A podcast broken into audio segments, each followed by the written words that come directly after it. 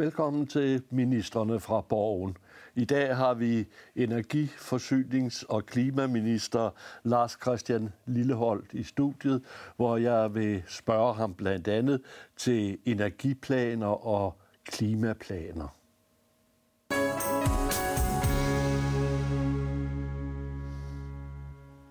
Hvis vi ser på valget i Sverige, som blev holdt her for en måneds tid siden, så rykkede klimapolitikken lige pludselig op til at være det tredje vigtigste emne hos vælgerne efter integrationen, efter velfærden, og så kom klimaet altså.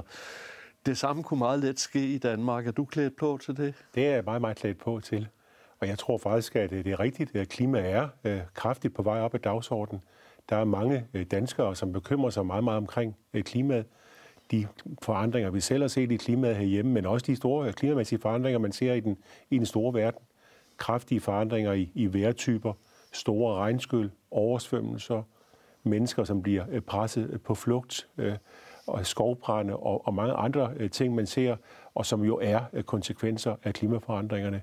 Vi har også hen over sommeren jo i Danmark jo set en meget, meget varm sommer, og selvom man ikke direkte kan, kan sige, at det, at det, det, alene, at det, er, at det alene skyldes til klimaforandringerne, så er det måske alligevel sådan lidt en, et, et wake-up call i forhold til, at der, der sker altså noget med vores vejr. Og så kommer der jo rapport på rapport, og der er lige kommet en stor, flot, fin rapport fra, fra FN's øh, klimapanel, som jo siger noget om, at der er, det er ganske alvorligt, øh, de klimaforandringer, vi ser, men at det stadigvæk også er sådan, at vi har tid til også at kunne handle og kunne gøre noget, og det er jo det politiske pres, som jeg oplever også øh, fra mange danskere. Er det sådan, så Venstre, så det er Venstres politik generelt nu? Jeg husker jo for eksempel finansminister Thor Petersen, der øh, sagde, at klimapolitik, det faktisk hørte hjemme under kirkeministeriet, for det havde noget med tro at gøre. Nej, det er jeg ikke enig i. Og det her, det er jo ikke noget nyt, at, at Venstre står, og vi står i forhold til, til klima, energi og miljøpolitik. Vi har haft ansvar at regere. Venstre har siddet i regeringen altså, øh, stort set hele perioden siden 2001, i hvert fald i de 14 eller 13, 14 øh, år, de 17 år siden da. Og der må man bare sige, at der er jo indgået mange øh, store energiaftaler i den tid. Klimaet er også sat på den politiske dagsorden. Jeg synes, det er vigtigt, at man ikke gør klimapolitikken til en politisk slagmark. Der er simpelthen brug for, at vi handler, og vi gør det på tværs af partiskæld, ligesom vi gjorde med energiaftalen. Her er der noget, som er vigtigt, og som det i allerhøjeste grad er vigtigt, at vi som øh, danskere øh, står sammen om. Og det er også det, der er baggrunden for, at regeringen for øh, snart en måned siden præsenterede en meget, meget stor, omfattende og meget ambitiøs klimaplan, som jo udstikker linjerne frem mod 2030, og som jo er den mest ambitiøse plan, der, der nogensinde er set. Nu er det så også den, den nyeste, så det har selvfølgelig nogle naturlige årsager, men som jo sætter nogle meget, meget øh, præcise pejlemærker, den, ikke mindst i forhold til transportområdet. Det kommer vi tilbage til. Jeg vil godt lige snakke energiforlig øh, først, for det var jo ikke helt let for dig at få det igennem. Men det endte med, at øh, vi skal have tre store nye havvindmølleparker. Øh, hvor skal de ligge hen? Det er der ikke taget stilling til endnu. Det, der er besluttet, det er, at der kommer tre store havvindmølleparker. Og det er ikke sådan nogle, nogle helt små nogen.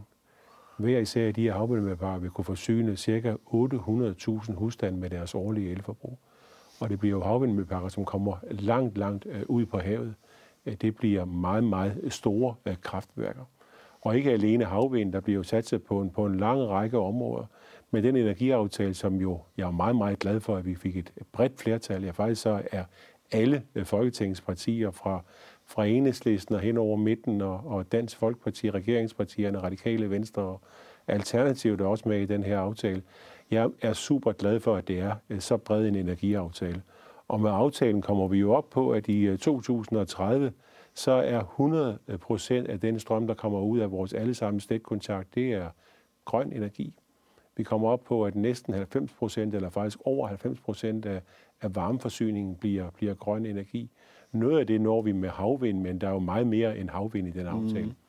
Mm. Øh, ja, og det er, det, det er jo noget af kunststykker for alle Folketingets partier med i, i sådan en aftale. En af de ting, der har undret mig lidt i, i klimaaftalen, det er, at øh, du får afsat et forholdsvis stort beløb til øh, udvikling og til forskning i biogas biogasproduktion. Det er vel ikke den grønneste form for energi, man kan forestille sig. Nu er det sådan, at øh, skal vi have vores energisystem til at hænge sammen, så skal vi selvfølgelig have meget vind, men der er også brug for andre energikilder. Og man bare siger, at biogas er godt på mange måder. Det bidrager også til at løse nogle udfordringer med hensyn til de klima- og miljøudfordringer, der er i vores landbrug. Det har vist sig, at den teknologiudvikling, der har været de senere år, at der er sket rigtig, rigtig meget med, med biogas. Og derfor er der god fornuft i også at bringe biogas ind. Og biogas kan jo bruges dels til at sikre vores energiproduktion, men det kan også bruges i transportsektoren til biogas, til simpelthen at få det ned på transport og ud i transport, ud ikke mindst i de, i de store biler, lastbiler, busser osv. Og der har vi jo som en del af energiaftalen også aftalt, at vi skal se på de muligheder og få lavet en, en strategi øh, for det. Så der er mange gode elementer øh, i biogas, og går det rigtig godt, så kan vi måske komme op på i løbet af nogle år, og så er 20-30 procent af den naturgas, vi bruger i dag i Danmark, det er jo en fossil energi, det vil være øh, biogas. Så der er, der er mange gode elementer i, i biogas. Så når jeg siger, at det, at du investerer så meget, eller I investerer så meget i, i biogas, at det er mere landbrugspolitikken, det er energipolitik, Ej, det så er jeg galt afmasseret. Det er du fuldstændig galt afmasseret med. Det her, det er, det er energipolitik, det er, det er også klima øh, i forhold til, at det rent faktisk også giver et bidrag til at, at reducere udledningerne af CO2. Ja. Når vi ser på den grønne omstilling sådan rent generelt, så er der tre områder, som man ligesom ikke har gjort så forfærdeligt meget ved indtil nu, som der ikke har været bindende mål for øh, indtil nu. Og det er de tre B'er. Bønder, biler og boliger. Mm. Øh, og nu begynder I at tage fat på dem for alvor. Ikke mindst bilerne, hvor en masse biler skal køre på el. El og andre former for... for... El og andre former for... Øh, der skal være en halv million elbiler på vejene i 2030. Nej, det, der skulle helst faktisk være en million hvis det øh, følger den plan, som... Skal der være en million? Jamen, så det, det, jeg tror, det er Socialdemokraterne, der snakker om en halv million, men, øh, men så snakker I om en million. men det betyder i hvert fald... Jeg arbejder øh, faktisk på, at der kommer en million øh, lavemissionsbiler. Det kan ja. være elbiler, men det kan også være biobrændstofbiler, det kan være, det kan være brintbiler. Altså, øh, vi lægger os ikke fast på, hvad det er for en teknologi, men det er givet, at mange af dem vil selvfølgelig være elbiler. Det kræver jo enorme investeringer. Ja, det, er, det her det er nok den største politiske opgave, vi overhovedet øh, står overfor, når vi kigger på, hvad det er for, for udfordringer, der er ikke mindst på, på det område, som jeg har ansvaret for. Og derfor er vi også nødt til at analysere og sikre os, at vi får truffet de rigtige beslutninger. Så faktisk i, i de her dage, der drøfter vi internt i regeringen øh, det kommissorium, som skal være for den transportkommission, som vi nedsætter. Og det er jo fordi, vi har brug for at blive klogere på det her. Hvordan når vi den her målsætning om at udfase benzin og diesel fra, fra nye biler, nyindregistrerede biler fra 2030, hvor det jo er målet, at alle nye biler, der nyindregistreres, det skal være biler, som ikke bruger øh, benzin og, og diesel øh, fra 2030 og 2035. Der skal vi heller ikke have hybridbilerne med øh, længere. Altså, der må jeg bare sige, at det, det kræver en virkelig, virkelig, og det her det er nok, det er virkelig en kæmpemæssig udfordring. Det er det jo dels i forhold til teknologien, fordi vi er det ikke helt endnu. De elbiler, vi kender, og også de hybridbiler og andre øh, biler med lavt øh, CO2-udledning, de har mange udfordringer. Elbilerne, der er det prisen, som er en udfordring. De er stadigvæk relativt dyre. Og en anden udfordring, det er batteriet. Og derfor er der jo i allerhøjeste grad brug for både, at vi får prisen ned, altså det vil sige, at vi får lagt et pres på de europæiske producenter af, og verdensproducenter af biler i forhold til at komme med biler, som er, er billigere. Og så er der rækkevidden på, på batterierne, som også er en udfordring. Det er stadigvæk sådan, at den er, den er ikke god nok. Øh, de mellemstore og små biler, de har måske en rækkevidde på 200-300 øh, km på et batteri. Der skulle vi helst have gjort noget. Så vi skal både have prisen ned, og vi skal have teknologiudvikling. Begge dele tror jeg på, hvad kommer til at ske. Når man hører og lytter til, hvad der sker i den europæiske bilindustri, så er alle de store bilfabrikker, de er rigtig, rigtig langt fremme med, med udviklingen på det her område. Gennemsnitsbilen i Danmark holder i dag 15 år. Øh, så er vi meget tæt på 2030, før en ny bil er slidt op. Det vil sige, at det kræver noget af befolkningen, men det kræver også noget af Christian Jensen. Ser han ikke med en vis nervøsitet på, hvad du går og foretager dig? Nej, det håber jeg da ikke. Jeg samarbejder rigtig, rigtig godt med, med finansministeren også omkring det her. Øh, men det er klart, det er en udfordring. Det er også, når vi snakkede om lige før, der er en udfordring med batteri, der er en udfordring med prisen, men det er der også med afgifterne jo. Altså det er sådan, at øh, vi får hvert år cirka 50 millioner i afgifter, dels for registreringsafgifter, 50 milliarder. Ja. Sagde jeg millioner? Ja. ja det, det er nok lige i underkanten, så vil det være til at løse. Men milliarder, øh, så det er jo, det er jo tal, som er svære at forstå næsten. Øh, fra dels registreringsafgifter og brændstofafgifter. Og, og dem skal vi selvfølgelig have håndteret, øh, og hvordan gør vi det? Og det er også noget af det, som den transportkommission, vi nu nedsætter, skal finde ud af at komme med forslag til, hvordan kan vi omlægge afgifter, hvad kan vi gøre i forhold til det her, hvordan kan vi sikre, at det er, det er attraktivt at købe en elbil. Og i de her dage har vi også forhandlinger. Øh, så sent som i dag har vi faktisk haft møder med nogle af partierne i Folketinget omkring spørgsmål omkring, hvordan gør vi det på den korte bane øh, til næste år og i, i 2020 med hensyn til, til registreringsafgiften på elbiler, hvor det er jo regeringens ambition, at der skal ikke være registreringsafgift på, på elbiler op til 400.000 kroner, hverken i, i 19 eller, eller 20. Og det er jo netop, fordi vi gerne vil, have, vil give øh, elbilerne et boost. Vi vil gerne have, have endnu flere til at, at ud og rulle på landevejene, og så er der jo brug for, at, at danskerne også et par år frem i tiden kender, hvad er det for nogle spilleregler, der er, hvad er det for nogle afgifter, hvad koster en elbil. Det lyder for mig som om, I forholdsvis hurtigt har skiftet vinkel på hele det spørgsmål, der hænder energiforbruget i transportsektoren. Hvis du går bare et par år tilbage, så forlangte eller krævede Dansk Folkeparti under finanslovsforhandlingerne, at bilafgifterne, registre, øh, hvad hedder det, øh, registreringsafgifterne osv. skulle indrettes efter bilens teknologi. Øh, det afviste I på det tidspunkt. I sagde, at det havde I simpelthen ikke beregningsmæssigt grundlag for. Og nu, nu ligesom du er vendt 180 grader, nu siger du, afgifterne det skal indrettes efter den teknologi, bilen har. Ja, det er, det er meget, meget vanskeligt. Vi, vi, vi har simpelthen ikke øh, de metoder, der skal til øh, endnu for at kunne gøre det sådan. Men det er klart, når vi kigger på den lange bane, og nu må vi selvfølgelig se, hvad Transportkommissionen kommer med anbefalinger, men jeg vil jo ikke blive overrasket, hvis det, hvis det er anbefalinger i den retning, som Transportkommissionen kommer med. Men altså, øh, vil det ikke være, være logisk at følge Dansk Folkeparti her og sige, også for de benzinbiler, der skal køre indtil 2030, afgiften skal afhænge af, hvor, hvor miljørigtige bilerne er? Det vil være en, en rigtig, rigtig god vej at gå. Men nu gør vi jo det, vi nedsætter transportkommissioner, det er for at få alle de her forskellige øh, forslag på bordet. Når vi taler om afgifter i den her størrelsesorden, så er det nok ikke noget, man bare lige gør med en enkelt øh, snuptagsmanøvre. Øh, der er man simpelthen nødt til at være klædt så godt på som overhovedet muligt. Det, det undrer mig stadigvæk lidt, fordi det var jo ikke noget nyt, Dansk Folkeparti kom med der for et par år siden. Øh, de havde talt om det længe, og ude på venstrefløjen havde man talt om det længe. Så var der ikke en eller anden øh, embedsmand et eller andet sted i ministeriet, der havde tænkt, det må vi hellere lave nogle beregninger på? Ej, sådan fungerer politik jo ikke.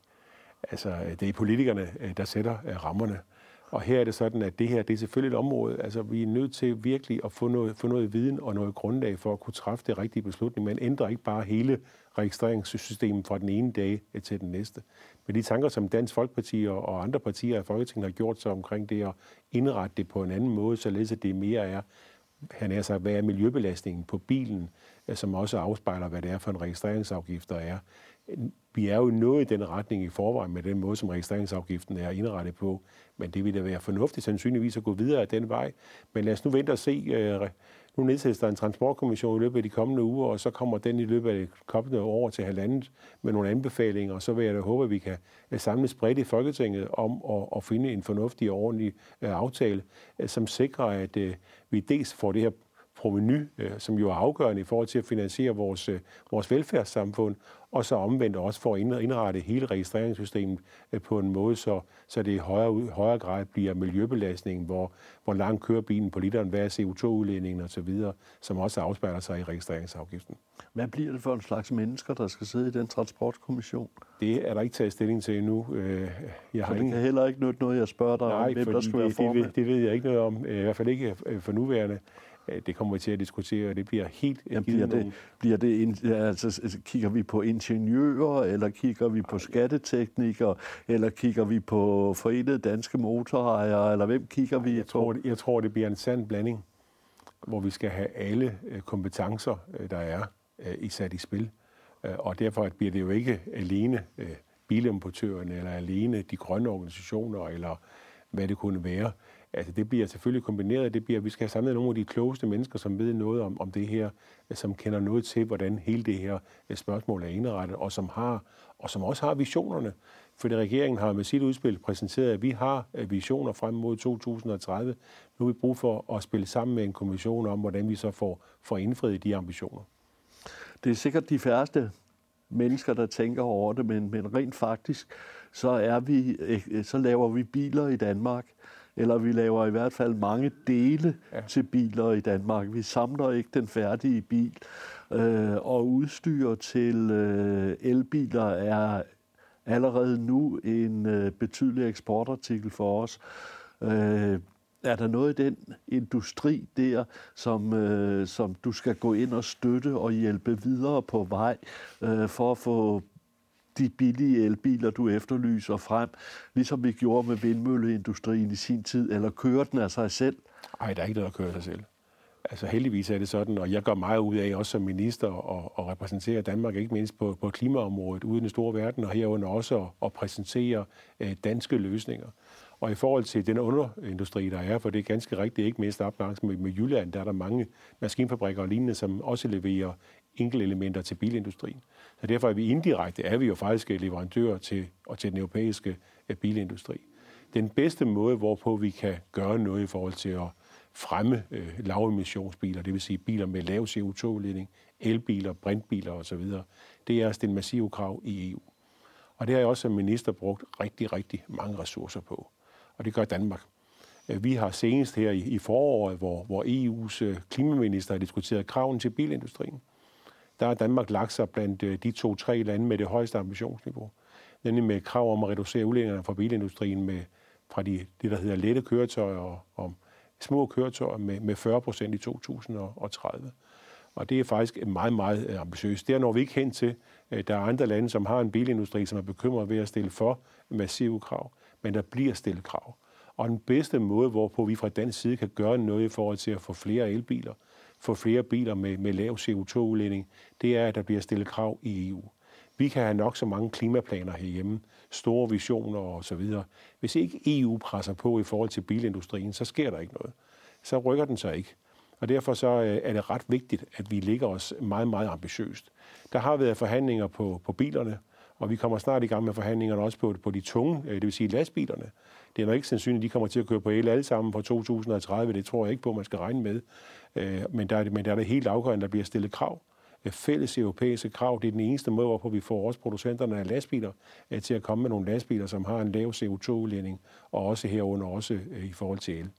Er det nok med EU-krav? Altså en meget stor del af de biler, der kører på danske veje, er jo japanske. Mm. Øh, og amerikanerne er også en, en, en væsentlig bilproducent på verdensmarkedet øh, og Trumps politik er jo ikke lige frem energivenlig.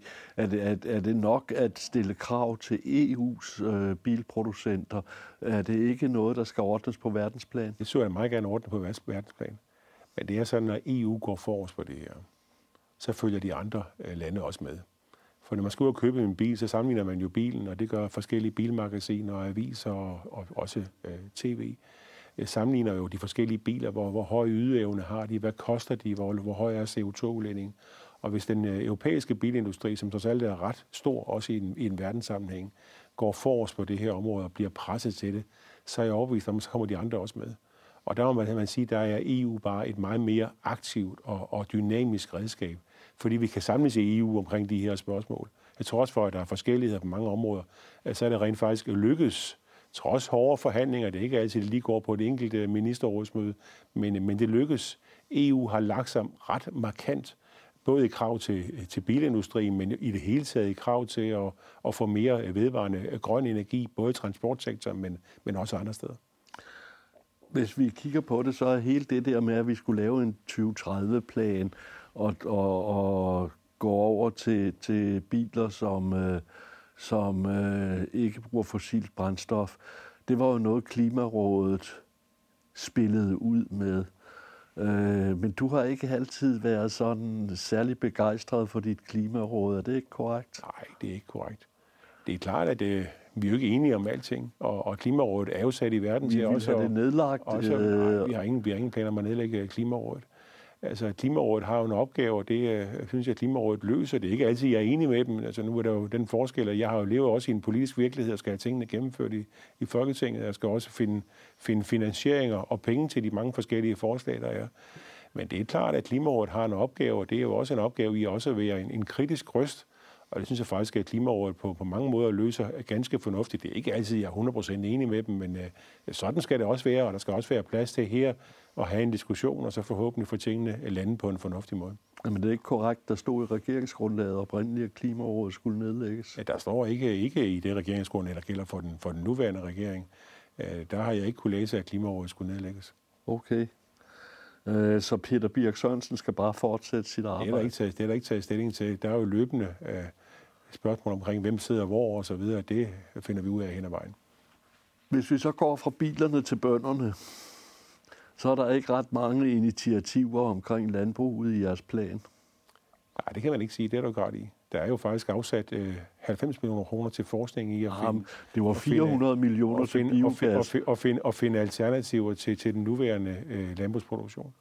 Det er klart, der er udfordringer på, på landbrugs- og fødevare. Der er store udfordringer. Men man må også sige, at landbruget og fødevareerhvervet i Danmark har gjort rigtig, rigtig meget.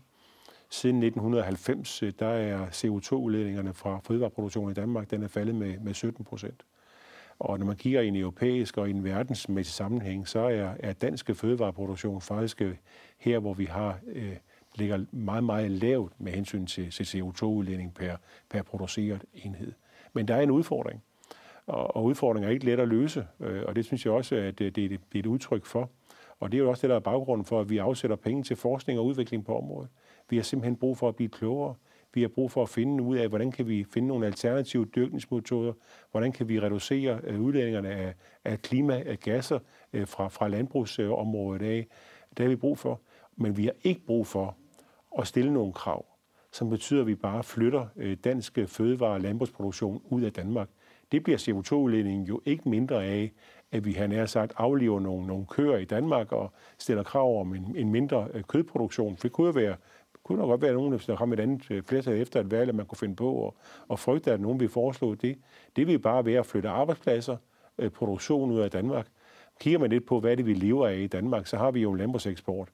Ja, den ligger vel på cirka 150 milliarder kroner om året, hvis man ser sådan meget, meget ja. bredt på det.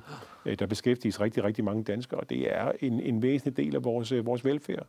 Og derfor nytter det ikke noget bare at flytte produktion ud af landet.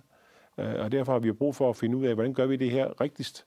Og det er jo derfor, vi afsætter de her øh, penge øh, til forskning, øh, på at blive klogere, på at finde ud af, hvordan gør vi fremadrettet. Og så kigger vi også på nogle tiltag, der er blandt andet det her spørgsmål omkring med udtag af lavbundsjord, ja.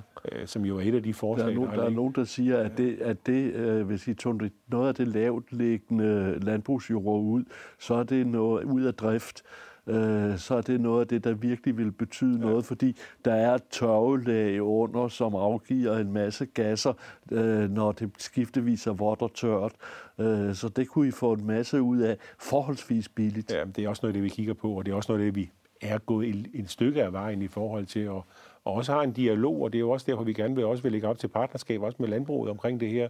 Altså, vi har en fælles udfordring med, med øh, landbrugsfødevareerhvervet i Danmark om at løse den her opgave og finde øh, nye måder at gøre det på. Så man skal ikke opfatte det sådan, at vi bare har fredet øh, landbruget ud i al evighed. Det har vi ikke. Det afgørende for os, det er bare at finde de rigtige måder at gøre det på. Så vi gør det på en måde, så vi opretholder en stor dansk øh, landbrugs- og fødevareproduktion, men samtidig også gør det på en måde, så vi tager, tager mest muligt hensyn til miljø og, og, og klima. Og det gør vi altså ikke ved at flytte øh, fødevareproduktionen ud af Danmark og bare flytte den til andre lande. Nogle gange, når jeg diskuterer med mine øh, politiske modstandere på, på venstrefløjen, så har man jo opfattelse af, at de er de mest optaget af, kan vi bare pine og, og plage øh, landbruget mest muligt, så skal det nok gå. Sådan vil jeg bare advare kraftigt imod. Det kan risikere at koste i tusindvis af danske arbejdspladser, velfærd, Øh, og landbrugs- og fødevareområdet er i forvejen en, en meget, meget øh, presset øh, sektor. Der skal ikke meget til, før at vi vil se, at et stort læs risikerer at vælte på landbrugsområdet i Danmark, og det, det er der ingen, der har interesse i. Jeg havde jo helst set, hvis man skal se sådan på det i forhold til CO2 og klima, at vi var blevet til enighed i EU om at regulere landbrugserhvervet på tværs af landene. Det arbejder jeg også kraftigt for, straks jeg blev minister, blandt andet havde med min irske kollega, Øh, hvor vi jo havde nogle fælles interesser, Danmark og Irland, på det her spørgsmål omkring, fordi vi begge to er lande, som har en relativt stor landbrugssektor. Og jeg havde jo gerne set, at regeringen havde gerne set, hvis vi har fundet en måde at regulere det på tværs, således at det ikke bliver et spørgsmål omkring statstilskud og konkurrence mellem landene om at uh, lave mulige fællesnævner på det her område. Der, vil der var sket en stærk europæisk uh, regulering der... af det her. Det lykkedes desværre ikke. Nej, der vil det er jo ked af. Det, der, det er vel franskmændene, der strider imod. Det er blandt andet franskmændene og andre, som ikke er så begejstrede for det. Og så kan man sige, hvis man så lige skulle sige, hvad skete der så til gengæld for det? Så skete der det, at Danmark fik jo et ret højt har fået, er jo blandt de lande i EU, der har det højeste reduktionskrav samlet i 2030. Men vi er også et af de lande, som har den største fødevareproduktion. Og da vi skal finde nogle af de her reduktioner inden for fødevare, så har vi så også fået mulighed for at få noget fleksibilitet Altså det vil sige muligheder for at medregne noget optag fra, fra jord og skove, det der hedder LULU, CF hedder det. Ja, der er lavet, op, der er lavet om på kvote. regnereglerne. Nej, der er ikke blevet lavet om på regnereglerne. Der er nogle meget bestemte regneregler, som sikrer, at det, der, at det man medtager, det også er det reelt. Og også noget, noget, noget, nogle muligheder for at kunne have nær sagt øh, noget kvoter, regulering af kvoter osv. Således at vi står med en opgave, der er til at håndtere, men, men stadigvæk en stor opgave. Hvis jeg lyttede rigtigt til statsministeren her for nogle få dage siden, så var han til et stort møde i Landbrug og Fødevare. Og der øh, advarede han øh, mellem linjerne landbruget mod at være for bagstræberisk. Er du, du, du før, sagde du før, du havde nogle voldsomme diskussioner med venstrefløjen, men er du ikke også nødt til at tage nogle diskussioner med landbruget og sige, nu må I passe på, at I ikke bliver for bagstræberiske? Det kan jeg love dig. Men øh, det har vi også. Og, og det er jo klart, det der blev sendt et signal fra øh, den anden dag på det møde fra statsministeren af, om at landbruget selvfølgelig også har et ansvar. Og jeg vil sige, at den dialog, jeg selv har med, med landbrugsorganisationer, så er jeg faktisk meget, meget overbevist om, at landbruget også tager det ansvar meget, meget alvorligt. Og, og er opmærksom på, at der er øh, en udfordring. En stor del af vores CO2-udledning kommer jo fra, fra landbrugs- og, og fødevareområdet. Og det er jo også derfor, vi etablerer øh, den her forskning på området. Det er jo simpelthen, fordi vi har brug for at finde de rigtige måder at gøre det på. Og der er jo teknologiske løsninger, for eksempel i forhold til foder, øh, som kræver, at man lige bliver noget klogere og finder de rigtige løsninger i forhold til den måde, vi dyrker vores øh, landbrugsarealer på. At der er der nogle metoder og, og noget forskning og udvikling på området, som er, er vigtige og, og helt afgørende. Hvis vi så ser på det tredje element, det tredje B, nu har vi haft bilerne, og vi har haft bønderne, og så tager vi bygningerne så har du fået en ny kæmpemæssig udfordring, sådan som jeg fornemmer det, ved at øh, Google, Facebook og et par andre store øh, IT-virksomheder, øh, Apple har, øh, har planer om at bygge øh, store øh, datacentre i Jylland og på Fyn. Det vil kræve enorme mængder energi og producere en masse varm luft fordi det skal køles ned igen. Den kunne vi bruge til fjernvarme, men det er du ikke så begejstret jo, for? det er jeg meget, meget begejstret Du er meget begejstret, men Jamen, du siger, at det kan ikke lade sig gøre. Og jeg opfordrer kraftigt til, at uh, datacentrene uh, gør alt, hvad de overhovedet kan for uh, dels at komme af med noget af deres overskudsvarme. Og så er der en udfordring i forhold til deres elforbrug, som, som du er inde på, Kåre, og som vi er nødt til at have, også have kigget på. Det er jo sådan, at øh, vi ser jo, og det er jo, vi jo på den ene side, så er vi jo super øh, stolte som land, når, når Facebook, øh, Google og, og andre øh, vælger øh, Danmark, så bliver vi stolte og hejser det danske flag og stolte over, at store internationale øh, virksomheder med et stærkt brand, at de vælger Danmark. Borgmester rundt omkring, de jubler og ringer til mig og siger, uha, vi er så glade for, at de kommer. Men så er der selvfølgelig også en bagside af medaljen, det er, at de bruger rigtig meget el. De bruger faktisk rigtig, rigtig øh, meget el. Ja. Og derfor er det også et klart signal, jeg har øh, tænkt mig at sende til dem og drøfte med dem, at når de kommer til Danmark og opfører et stort datacenter, nogen fylder faktisk så meget, at de bruger, et enkelt, kan, et enkelt af dem bruger 4% af det samlede elforbrug i Danmark, at så må de også have en forpligtelse til at finde måder, hvorpå at frembringe den, den vedvarende energi, der skal til. Og derfor har jeg tænkt mig faktisk at sige til dem, når I kommer til Danmark og ligger jer her, så skal I også etablere noget vedvarende energi. Det vil sige, hvis man bruger 4% af det samlede elforbrug, så må man så ud og finde ud af at få investeret i en havvindmøllepark eller, eller lignende. Øh, således at vælger man Danmark, og det gør man jo blandt andet, altså når de vælger Danmark, så er der to årsager, tror jeg. Ja, det ved jeg i hvert fald blandt andet nogle af dem.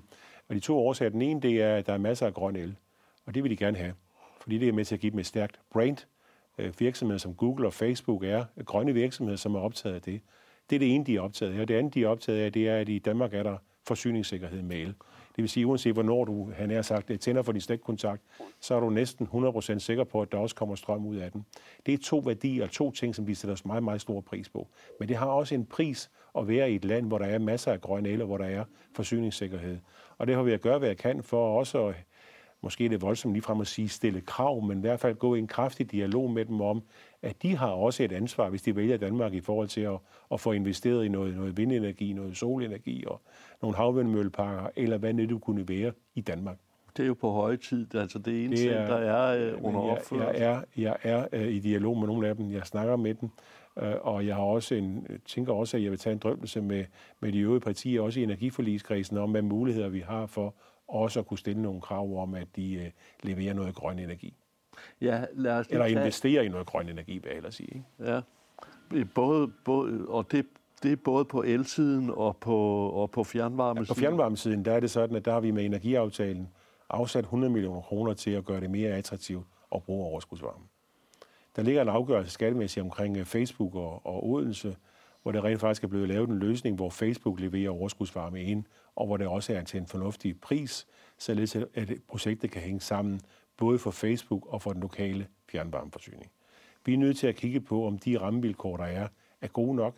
Det bliver, har vi, er, får vi øh, meget, meget snart en diskussion. Vi har haft øh, noget af det med, med de partier, der er med, eller alle partier, der er med i energiaftalen om, hvordan får vi opstillet det her på en måde, så vi får udnyttet den overskudsvarme.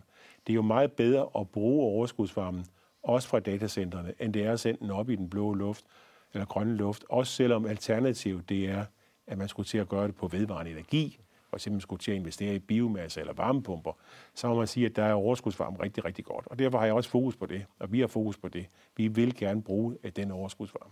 Jo, men øh, hvis jeg tænker på et af centrene, så mindes jeg at have læst et sted, at øh, det bliver bygget sådan, så det kræver 30 km rørledning med ja. varmt vand. Det, det, det får du ikke for 100 millioner. Nej, men derfor er jeg også indstillet på at tage en dialog med dem om, hvad muligheder der er, og at de også har et ansvar. En af udfordringerne ved datacenterne, i hvert fald nogle af dem, jeg har hørt om, skal man passe på med at generalisere, det er jo, at den varme, der kommer ud af datacenterne, den er jo ikke helt så varm, som den skal være i forhold til at komme ud direkte ud i fjernvarmenettet der skal det, der hedder varmepumper til. Og det er jo, hvis nu varmen kommer ud med 40-45 grader, skal op på en 80-90 grader, den kan komme ud i fjernvarmesystemet. Og der har vi med energiaftalen, der har vi lavet en aftale om at reducere elvarmeafgiften meget, meget kraftigt fra omkring 45 øre til, til 15 øre per kilowatt-time. Der er mange tal i det her, og man kan hurtigt blive ret talblind. Men det betyder, at det bliver meget, meget attraktivt også at lave overskudsvarme. Og jeg håber jo på at være appelleret til at, at tage med datacenterne om, kunne I så ikke godt lige overveje også at placere jer på en måde, så vi også kunne udnytte den overskudsvarme positivt. Det vil være godt for Danmark, men det vil også være godt for de her virksomheders generelle øh, brand. Ja, lad os lige tage et par facts for at vise, hvor stort et forbrug de her store datacentre, de seks store datacentre, eller fem eller seks store datacentre, der er forløbig tale om, Øh, de bruger til sammen lige så meget strøm som 2 millioner husstande, eller 16 procent mere strøm, end vi bruger i dag i Danmark, hvis vi lægger datacentrene sammen.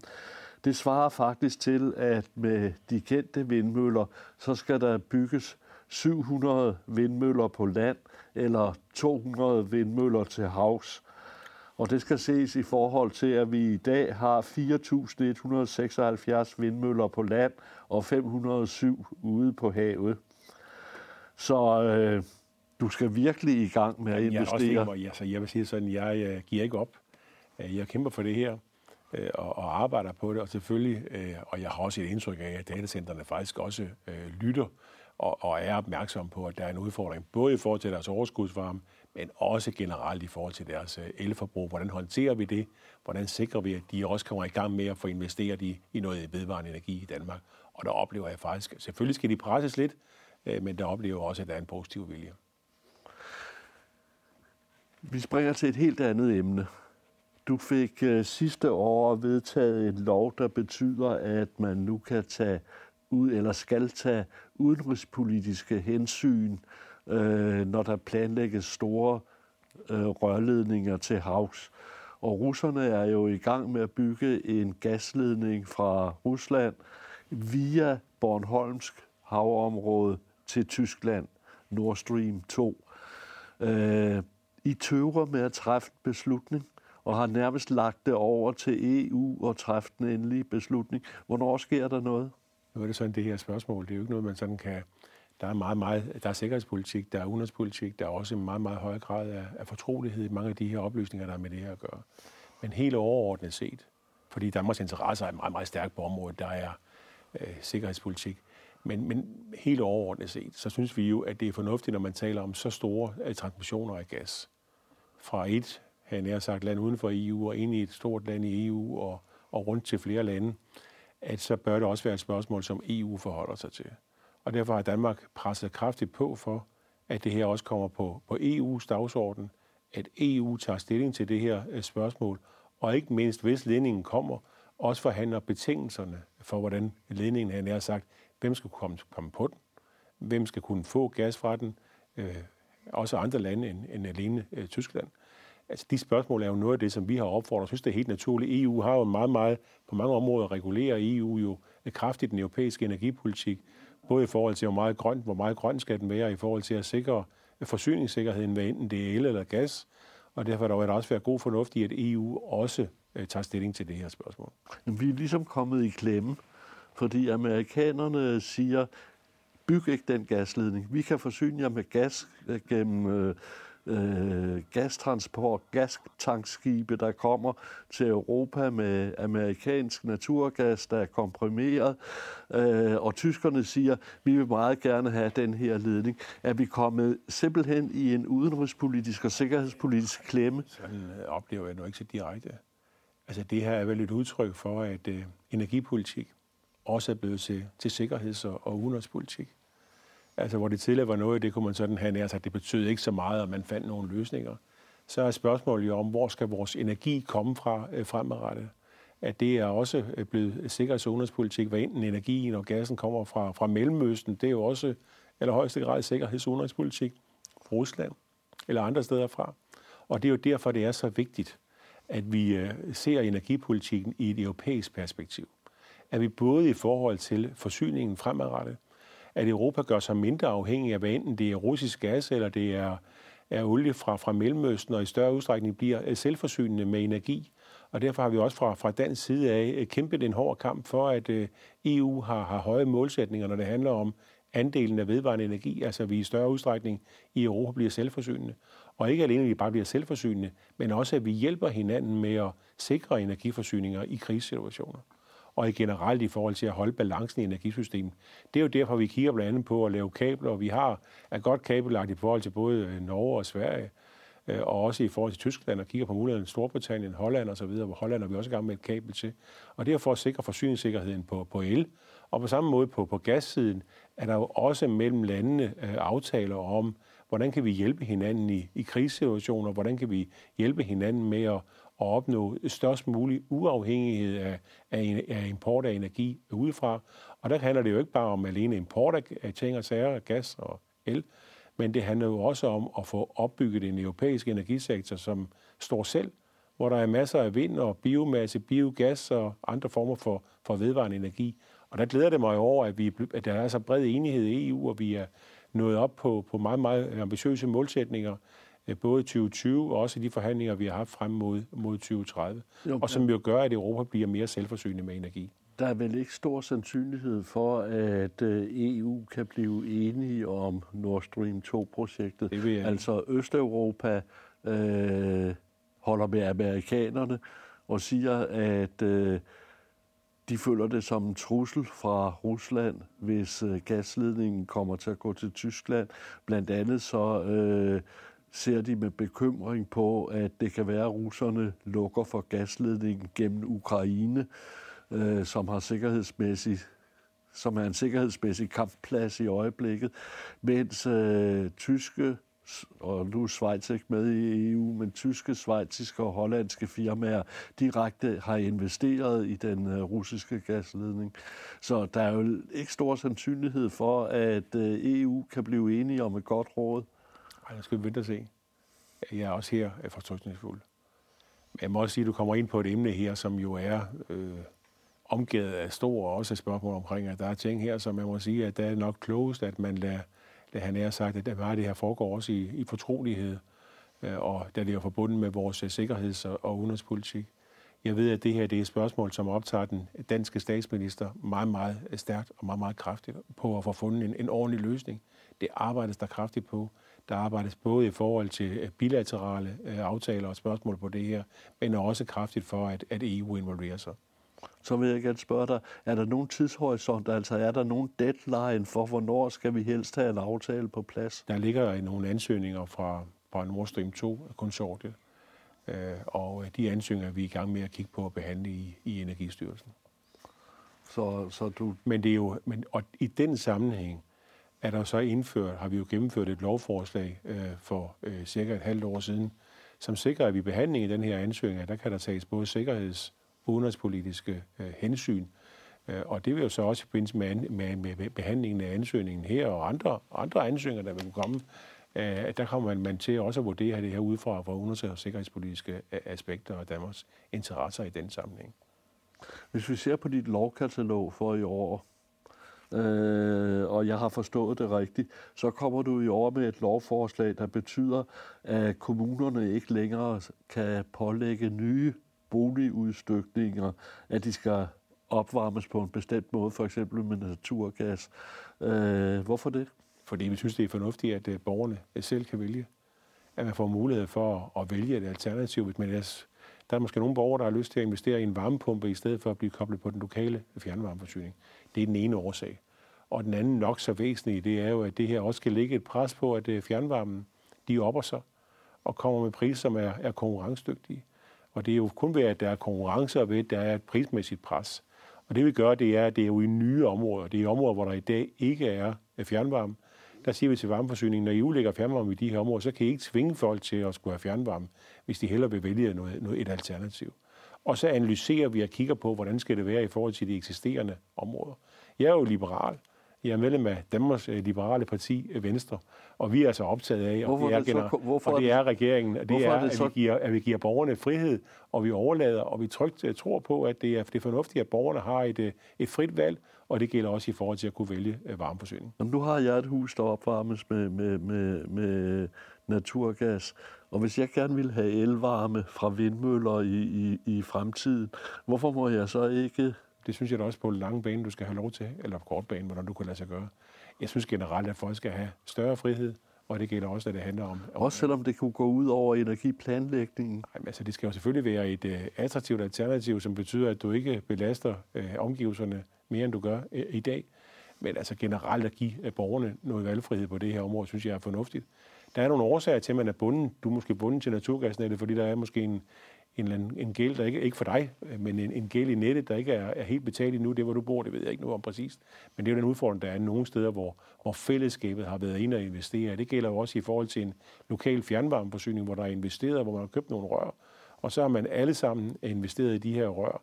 Og der er det selvfølgelig helt afgørende at, at kunne have altså både rør og, og varmeforsyning. Og, og det nu er biobrændstoffer, eller det er, er biomasse, eller naturgas, eller hvad det er, at det skal man selvfølgelig sikkerhed for, at det ikke er sidste mand på badebroen, der står med, med hele regningen for, for fjernvarmen. Du kan komme i et dilemma. Enten tager du mest hensyn til, hvad der samfundsmæssigt er, er, er det bedste, eller også tager du helt hensyn til, hvad der individuelt er det bedste.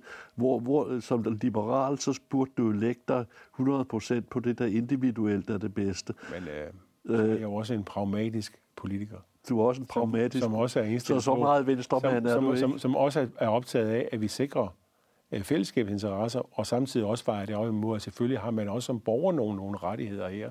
Og der handler det om selvfølgelig at få fundet en balance mellem de, de ting.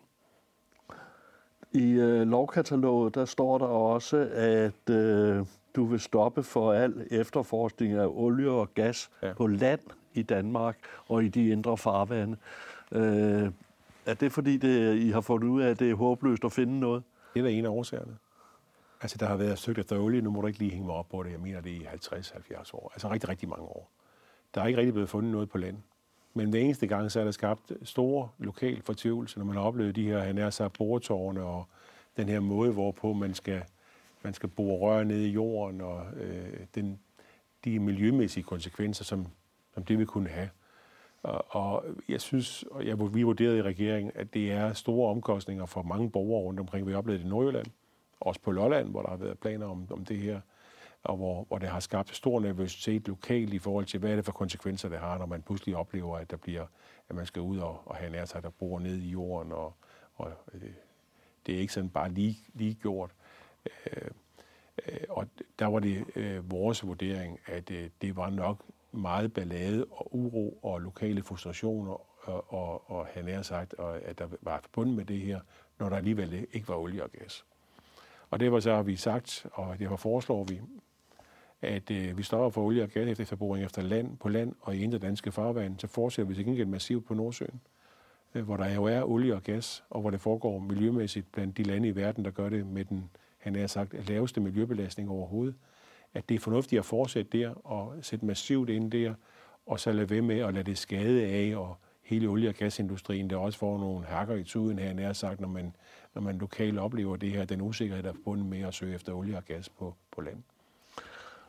Vi havde her i ministerne fra Borgen øh, haft besøg af transportministeren, som øh, kommer med et forslag om, at øh, etableres master. Han kan ekspropriere til etablere master til øh, internet og, og mobiltelefoni langs banestrækningerne for at skaffe en et bedre forbindelser i togene. Der er stadigvæk, og du er forsyningsminister, områder i landet, hvor der ikke lige er en jernbane, men hvor det også kniver med internet og, og, og teleforbindelserne. Øh, Gør du noget? Ja, vi gør masser. Nu sker der haft noget. En, ja, der sker også noget. Jeg talte med, jeg talte med en ven, jeg har på Langeland forleden. Han må gå ned til stranden, ja. når, når telefonen ringer, for ellers så er der ikke forbindelse. Det er ikke tilfredsstillende. Og det er også derfor, vi øh, fra regeringen startede tilbage i 2015, under den daværende Venstre-regering, etablerede en bredbåndspulje, hvor der er uddelt ca. 100 millioner kroner i, over de seneste år hvert år og hvor vi fortsætter også til næste år og, og altså sagt, uddeler 100 millioner kroner i de områder, hvor der er en meget, meget dårlig dækning, og hvor teleselskaber, energiselskaber og andre aktører ikke kommer, men der giver muligheder for at finde nogle, nogle alternativer og giver støtte til lokale grupper, øh, som vil øh, have internet øh, bredbånd ud i de her områder. Det er jo sådan, at en familie kan ikke fungere uden at have det. Jeg kender det jo selv det hjemmefra. Er der nogle få timer, hvor vi ikke er på, på nettet her, nær sagt, jamen så skaber det frustrationer, så kan børnene ikke aflevere deres skoleopgaver, og vi kan ikke komme i banken og kigge på, hvor mange penge der står på kontoen, og man kan ikke bestille medicin, eller hvad man nu har behov for. Derfor er det meget, meget svært, både her nær sig at få en familie til at fungere, men i allerhøjeste grad også at få virksomheder til at fungere. Og ikke mindst i landdistrikter og lokalområder, hvor der ikke er ordentligt bredbånd i dag. Og det er derfor, vi massivt har sat ind med de her penge. Og det er faktisk sådan, jeg tror, det er i eftermiddag, øh, der offentliggør vi øh, fordelingen af, af, af de næste øh, store pulje penge, men det er for næste år 100 millioner kroner. Øh, så derfor, eller, derfor kan man sige, at vi er godt i gang med det her. Vi gør noget. Og så har vi lavet en stor teleaftale, hvor det også lykkedes at få alle folketingspartier med øh, i, i foråret. Og med den teleaftale, øh, der dels fortsætter vi med at, at ville den her øh, pulje, øh, bredbåndspulje. Men derudover stiller vi også, og det er så i forhold til mobildækning. Mobiltelefonen kan jo også bruges til, mm. til meget af det her. Øh, der stiller vi krav om, at øh, når man gerne vil have de her frekvenser, og det vil tilselskaberne gerne, og de kommer snart i udbud, og de er i udbud, så handler det ikke om at levere penge alene. Det er måske mindre grad penge, men i større udstrækning fokus på at levere bedre dækning.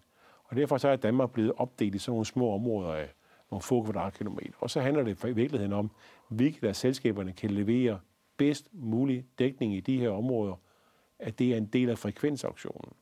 Og det vil faktisk betyde, at der vil være mange, mange tusind husstande, som vil få øh, en bedre dækning i forbindelse med det her. Det er faktisk vurderingen, at det er rigtig, rigtig mange. 25.000 øh, husstande, mener jeg, det er, som vil kunne få en bedre dækning på, den, på det her område ved at stilles krav. Så glæder det mig jo også at se, at teleselskaberne at de investerer jo hvert år mellem 5 og 7 milliarder kroner i Danmark i bedre teleinfrastruktur. Det er ikke alene bredbånd, det er også 5G, og det er andre former for udrulling af, af bedre infrastruktur på, på teleområdet. Og så er der jo energiselskaberne. Flere af dem er ude og melde nu, at de vil investere ret mange hundrede millioner kroner senest på, på Sjælland og i, i Østjylland, hvor nogle af selskaber har været ude Sydjylland øh, og, og andre steder, hvor, hvor selskaberne er rigtig, rigtig aktive og bruger mange penge, og hvor på den måde også sikre en, en, en god og ordentlig dækning. Fordi i et velfungerende samfund skal vi have hele Danmark med, så er det helt afgørende, at uanset hvor man er i Danmark, så kan man tale sin mobiltelefon, og uanset hvor man er, så kan man også komme på nettet. Øh, dengang det hed KTAS og JTAS og, og Fyns Telefon ja. og Rigstelefonen nede i Sønderjylland, øh, der blev det privatiseret. Dengang øh, glemte man da at stille de krav til, øh, til teleselskaberne, der gjorde, at, øh, at dækningen var, var landsdækkende fra, fra nogenlunde fra begyndelsen. Altså, øh, var kravene dengang, var I ikke forudset? Var den tids politikere ikke forudset nok? Ja, nu tror jeg, der for, hvis man går de mange år tilbage. Det er mange år tilbage. Der er vi nok en 30 år tilbage, for nogens vedkommende i hvert fald 20 år.